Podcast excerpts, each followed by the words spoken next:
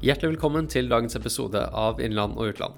I dag sitter jeg sammen med JD Diaz, en medisinstudent ved Jusenius Faculty of Medicine i Martin, Slovakia. I denne episoden vil du få et innblikk i hvordan nye erfaringer kan endre ditt livsløp, hennes opplevelse ved overgang fra norsk til slovakisk skolesystem, og hvilke rettigheter du har i Norge med en grad i medisin fra utlandet, samt litt om engasjementsmuligheter. JD og jeg har kjent hverandre siden ungdomsskolen, og jeg tror at dere lyttere vil kunne lære noe av hvordan hun valgte å balansere jobb og studier. JD, jeg ser ingen grunn til å ikke bare hoppe rett på hva som inspirerte deg til å dra til utlandet allerede på videregående, og hvordan din reise til i dag ser ut. Ja, skal vi se. Eh, første gangen jeg fikk høre om utveksling, var jo gjennom en familievenn som dro på utveksling til Australia. Da, på det tidspunktet så gikk jeg på, eh, i sjette klasse på barneskolen. Og etter det, så, etter at jeg hørte om det, så var jeg sånn Ok, det må jeg, det må jeg gjøre en gang. Og så etter hvert så fikk jeg jo høre om at det kunne man gjøre på videregående. At man kunne ta et high school year i USA. Så da var det liksom det målet. Og da dro jeg dit på ett år. I Texas, USA. Eh, og etter det året så fikk jeg egentlig mersmak. Og helt siden jeg kom hjem fra USA, så var jeg egentlig fast bestemt på at jeg skulle utdanne meg i utlandet.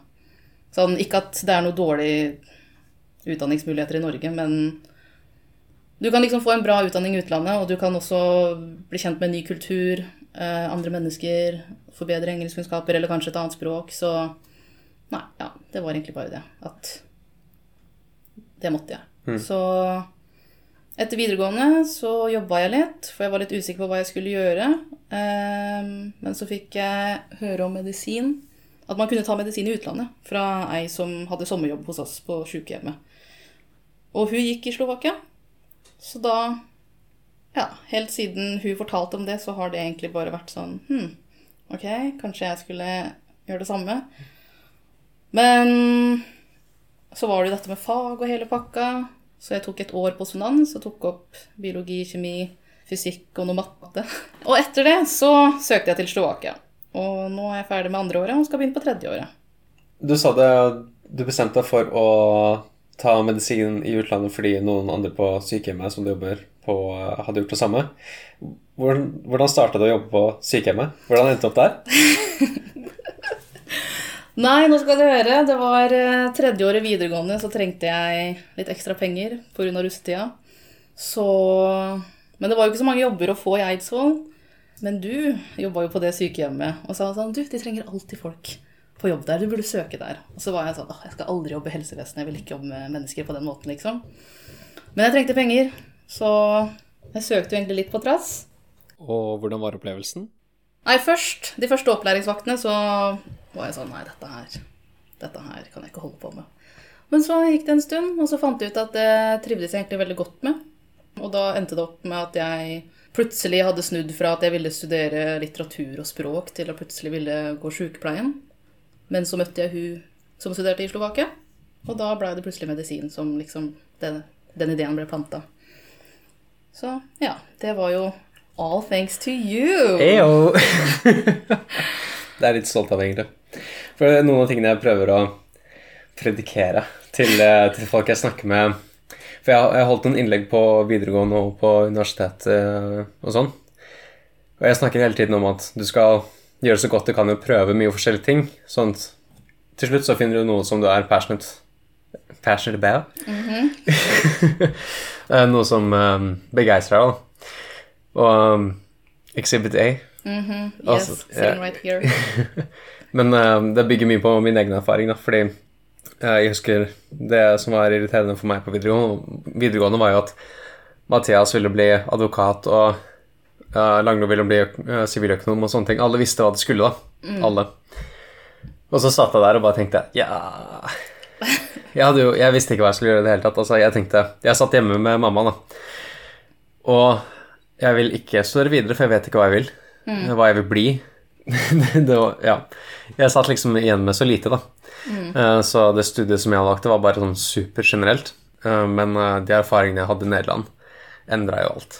Ja. Så jeg endte opp med på en måte bare holde meg ute. Jeg skulle jo aldri tilbake til Norge, men så sitter jeg her da og skal prøve å finne jobb. Ja. Mm. Ja, nei, egentlig Det var jo egentlig noen som ikke var så gira på jobb og liksom og ikke Hvordan skal man si det? Så nesten litt ned på at du liksom ikke visste hva du skulle gjøre. da, sånn her, å, jeg skal ta jobb for. Du burde jo bare begynne på noe for å begynne på noe. Men ja, det kan sikkert funke, det også. Men for meg så var det sånn Jeg trivdes såpass godt på jobb at jeg var sånn hm, Hvorfor ikke bare ta et jobbår og så se Fordi mest, det jobbåret for meg var jo mest for å se sånn Er sykepleie det jeg vil? Fordi det var en veldig brå overgang fra å liksom ville studere språk og litteratur i London til å plutselig bli sykepleier eller liksom studere medisin. Så for meg så var det De to jobbåra jeg hadde, var veldig sånn Ja, nei, det er dette jeg vil. Og det var egentlig veldig greie erfaringer. Føler du at det er sånn stigma i, eh, blant norske altså, elever, studenter, folk generelt sett, at du skal ha ting Du skal ha planen klar når du går ut av videregående? At, at du blir sett ned på når du jobber? På en måte ja, men samtidig nei. Jeg, jeg føler at på det tidspunktet for fem år siden, da vi liksom var ferdig med videregående, så var det litt sånn der Hæ, veit du ikke hva du skal gjøre? Mens nå så føler jeg at det er veldig vanlig at folk tar seg et friår, drar på backpacking og sånne type ting. Blitt gamle, vet du. Fem år, det er mye som skjer da. Ja, vi blir voksne, da. Ja. Det er litt det. Fordi Ikke at jeg, jeg stilte meg negativ til folk som starta å jobbe eller skulle ta opp fag eller noe sånt, for jeg hadde jo egentlig ikke peiling selv.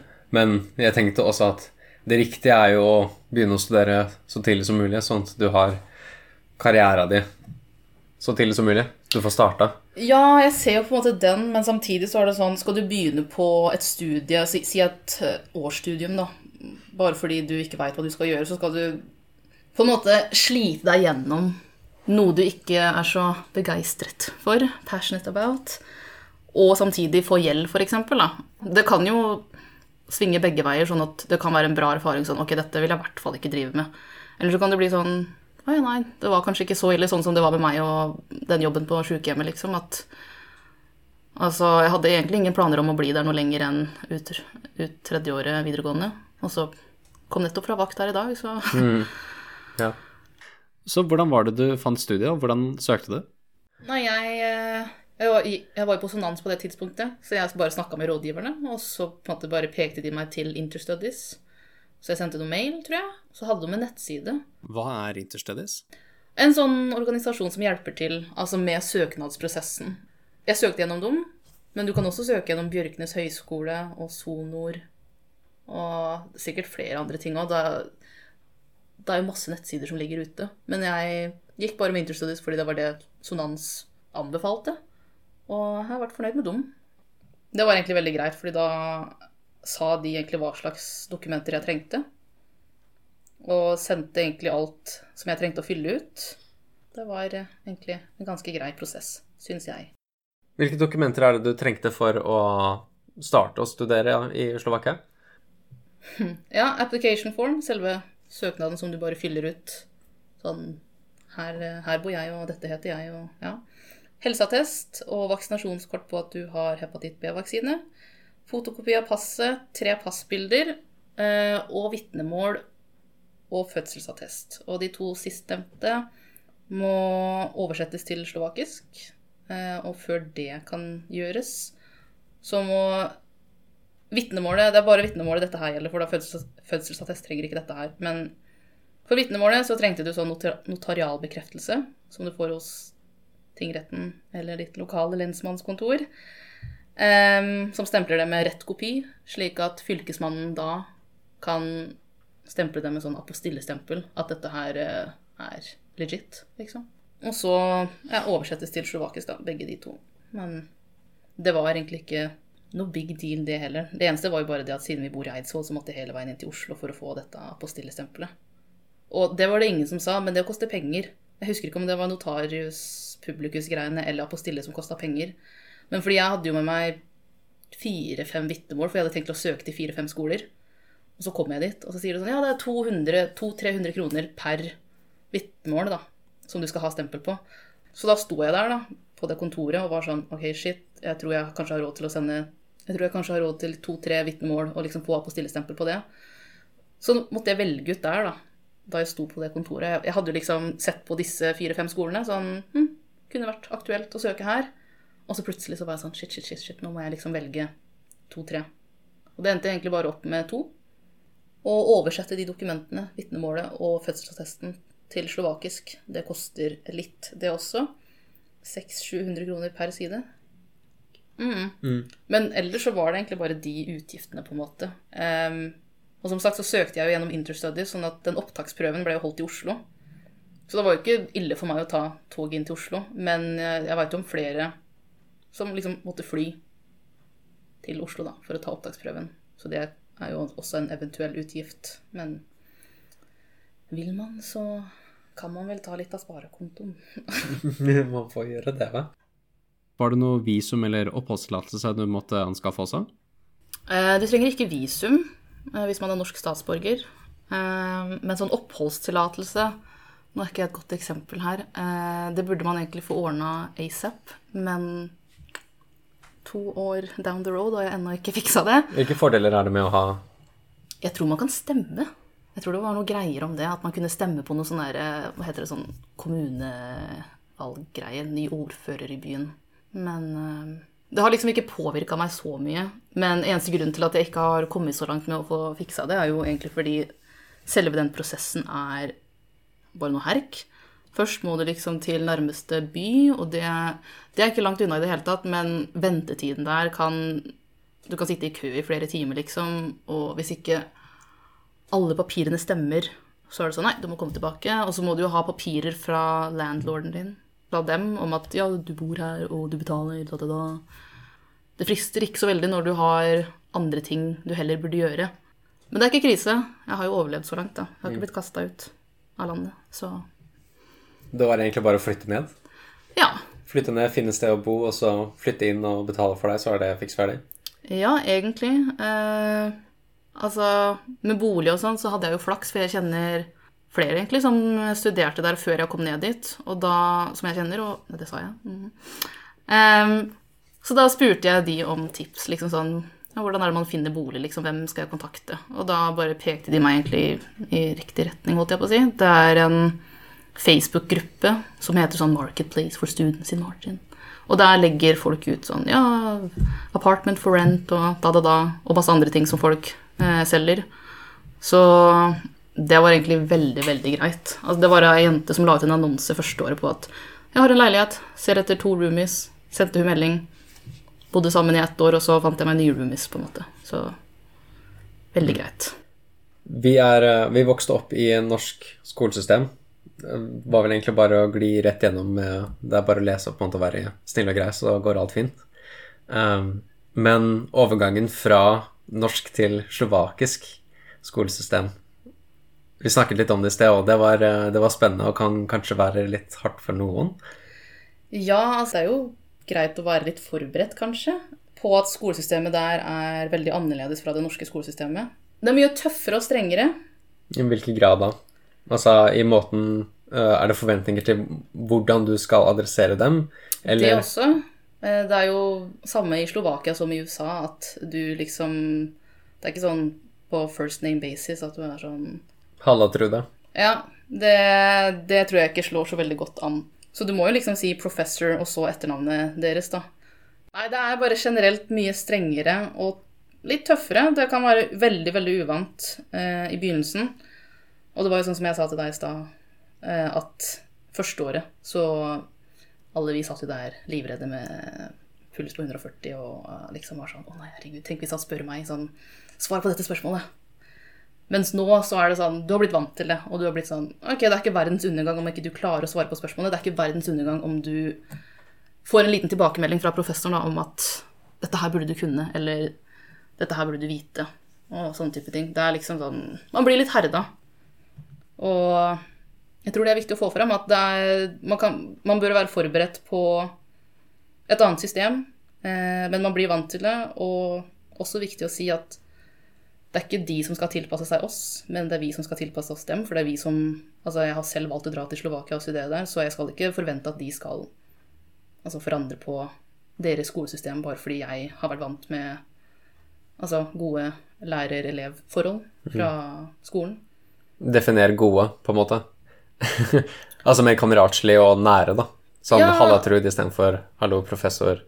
Ja, og litt sånn der at du kan Altså sånn på videregående eksempel, at vi kunne si sånn Å, nei, hatt, hva har du gjort i helga, eksempel? Å, har du klippet deg i dag? Altså, jeg kunne aldri finne på å ha sagt det til en professor sånn Har du klippet deg i dag? Du ser så «Hm, Ja, det var veldig fint, ja. Mm. Altså, der er det bare Eller det er noen få som er eh, litt Virker litt mer åpne til å liksom ha et bedre forhold med studentene, kanskje. Men de aller fleste, vil jeg si, så er det litt sånn Det er skille. Du er, eh, du er student, jeg er professor. Hvordan er det du opplever å være norsk eh, der nede? Altså, i Martin, Slovakia, så er vi 400-500 nordmenn.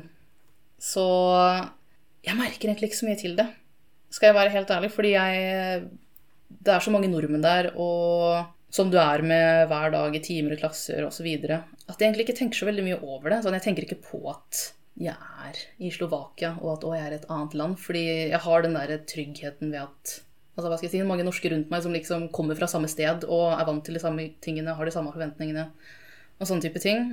Det er jo litt vanskelig med f.eks. språk, fordi engelsk er ikke så vanlig i Slovakia som her i Norge. Vi lærer det jo fra ung alder, mens der så kommer man liksom ikke så langt. Eh, hvis man ikke kan slovakisk. Hvordan er det å bli kjent med lokale da? Er, er, er det en av grunnene til at du kanskje henger med mye nordmenn?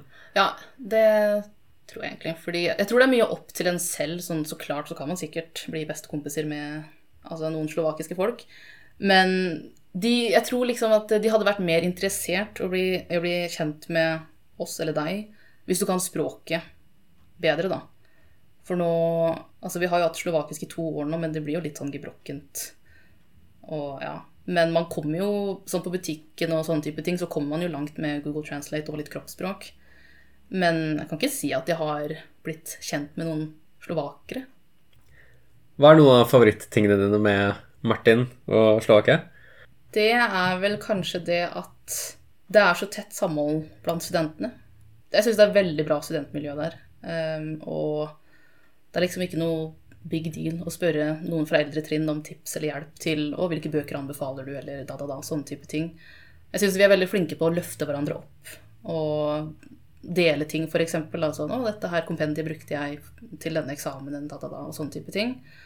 Og eh, litt snikreklame for ANSA her, men jeg syns de har gjort en veldig bra jobb da, for at det skal bli et bra studentmiljø der. De er gode på å arrangere ulike ting gjennom året, som f.eks. altså hva er det vi har? da? Vi har høsttur, vi har skitur, julebord, eh, eks-russefest, 17. mai. Altså det er eh, Det er mye som skjer i løpet av året, så det er gøy, og det er sosialt. Og det syns jeg er eh, Det er nok veldig viktig i en sånn hverdag med mye tung teori. Mm, og i tillegg så er det jo et fint land. Altså Nå er ikke jeg sånn superfjellgeit, men jeg veit at det er eh, mange gode turmuligheter, og liksom sånn Det er et skianlegg, er det det det heter? Mm. Ja. Nei, men ja, ikke så langt unna. Um, og det tror jeg liksom kan appellere litt til norske studenter. Og at det er veldig billig der.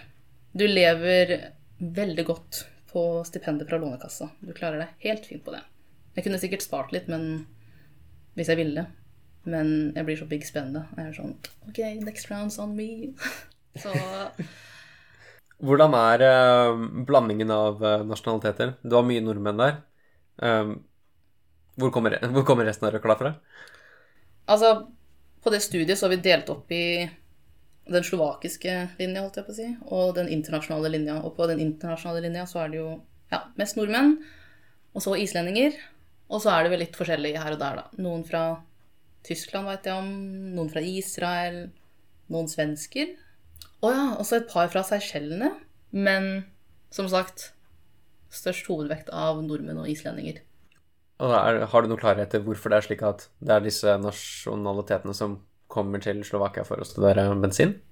På Island vet jeg f.eks. at altså det er jo et lite sted.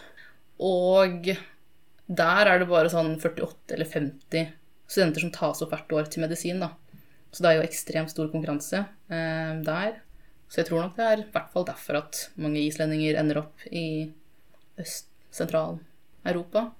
Og av nordmenn så Ja, det har vel sikkert mye med snitt å si. Altså, det hadde det for min del å si, i hvert fall. Fordi ja, nå hadde ikke jeg realfag på videregående, og jeg tok jo de realfaga, men da hadde jeg jo havna på det derre Sånn vitnemål rett fra videregående. Ja. Det Det er førstegangsopptaket, og så har du Det heter jo ikke andregangsopptak, men uh, ordinært. ordinær og primær. Jeg tror det er noe sånt, men jeg husker ikke. Ja. Ja, så der hadde jeg jo ikke stilt godt, tror jeg, til opptak i Norge. Og det var jo mange av de jeg møtte på sonant som liksom var så fast bestemt på at de skulle, de skulle studere medisin i Norge, så de tok jo opp alle fag fra videregående omtrent for å få rikka den femmeren til en sekser. Eh, flere folk jeg kjente som liksom tok den samme eksamen flere ganger, bare for å få den sekseren. Og jeg vurderte det en liten stund, fordi jeg trivdes veldig godt i Trondheim. Um, men så var jeg sånn Jeg er klar for å begynne på skolen nå. Og jeg kan få en like bra utdanning i utlandet uh, som her i Norge. Uh, og attpåtil få bedre engelskkunnska- engelskkunnskaper, ny kultur. Altså, ja, nytt land. Så hvorfor ikke? Litt andre erfaringer. Mm. Mm. Men uh, vil du enda ha de samme rettighetene til jobb i Norge med en grad fra Slovakia? Eh, hvert fall hvis man vil studere medisin i utlandet, og spesifikt til Slovakia, så har du i hvert fall rett på automatisk godkjenning i Norge etter endt studie. Så det er jo pluss, pluss, pluss. Og en annen ting, kanskje ikke så viktig for når du skal ut i jobb, men kanskje når du er student, og det er jo at man har muligheter til å engasjere seg i studentorganisasjoner eh, på lik linje som i Norge, da. Du har NMF, Norsk medisinstudentforening, og så har du ANSA. Eh, og du kan stille i begge hvis du vil, og liksom være med å arrangere og hei hurra. Og begge organisasjonene arrangerer jo ting på tvers av nabolandene, sånn at du har muligheten til å møte andre norske eh, i andre studentbyer. Som eksempel nå så arrangerer NMF en stor faghelg i Budapest i oktober. Og da er det jo sånn, altså alle, kan, alle som vil, kan komme. Ja. Og ja, sånn som det med ansatte, de har eh, eventer på tvers av land. Eksempel det med at de Karpe-konsert, da. Herregud, det var jo stas. Nei da, det Hvis man er interessert i det, og liker å være litt sånn Har litt den der elevrådsrep-personaen, så Hvis det er noe for deg, så ja, nei. For jeg vil liksom ikke at folk skal tro at det er en kjedelig tilværelse. At du drar utenlands for å få deg en utdanning, og det er det du skal sitte inne og lese, og det er bare det du gjør. Det er liksom Hun ene venninna mi, før hun flytta ned, så trodde hun jo sånn at nei, dette her blir vel siste gangen jeg drikker på seks år, omtrent. At det liksom ikke kommer til å være noe rom for sosialt liv og å ha det gøy og sånt, men Igjen, det er jo veldig opp til en selv da, hva, hva man vil være med på, men jeg anbefaler jo sterkt å være med på ting. Du ja, bli kjent med folk, og det er et fint avbrekk fra tung teori og lesing. Så i Martin i hvert fall så pleier vi å dra ut på fredager. Og det er ikke alltid at hver fredag er sånn yeah, party. Men å bare ta seg et par timer fri, ta, kanskje ta en øl eller bare sitte og skravle med folk om noe annet enn skole. Og så våkner du opp lørdag morgen, og så er du tilbake og leser, egentlig. Det er, sånn, det er et fint avbrekk. Og det er, det er ikke kjedelig å være student i utlandet. Det kan være like gøy, om ikke morsommere. Fordi eh, de studentene, eller kommende studenter som er i Norge og vurderer å ta utdanninga si i Norge, eh, eller om å dra til utlandet, hvilket råd ville du gitt dem? Dra til utlandet! altså, ok, Nå har jeg aldri tatt høyere utdanning i Norge, da, så jeg Altså, hadde jeg aldri dratt til utlandet, men studert i Norge, så hadde jeg sikkert kanskje sagt sånn Bli i Norge, herregud. Men Nei, altså Jeg har hatt to gode erfaringer med utenlandsstudier. Um, Det, det har funka? ja, det har funka, og har liksom ikke skuffa. Positive reiseopplevelser har gjort at uh, du har tatovering på, på håndleddet med verdenskartet, så no, Litt positivt er det. Ja, you know. So worldwide now. International. Nei, men jeg syns absolutt man bør eh, dra til utlandet. Om det ikke er for en hel grad, utveksling i et halvt år eller sånn et eller annet sånn der. Det tror jeg ingen har vondt av.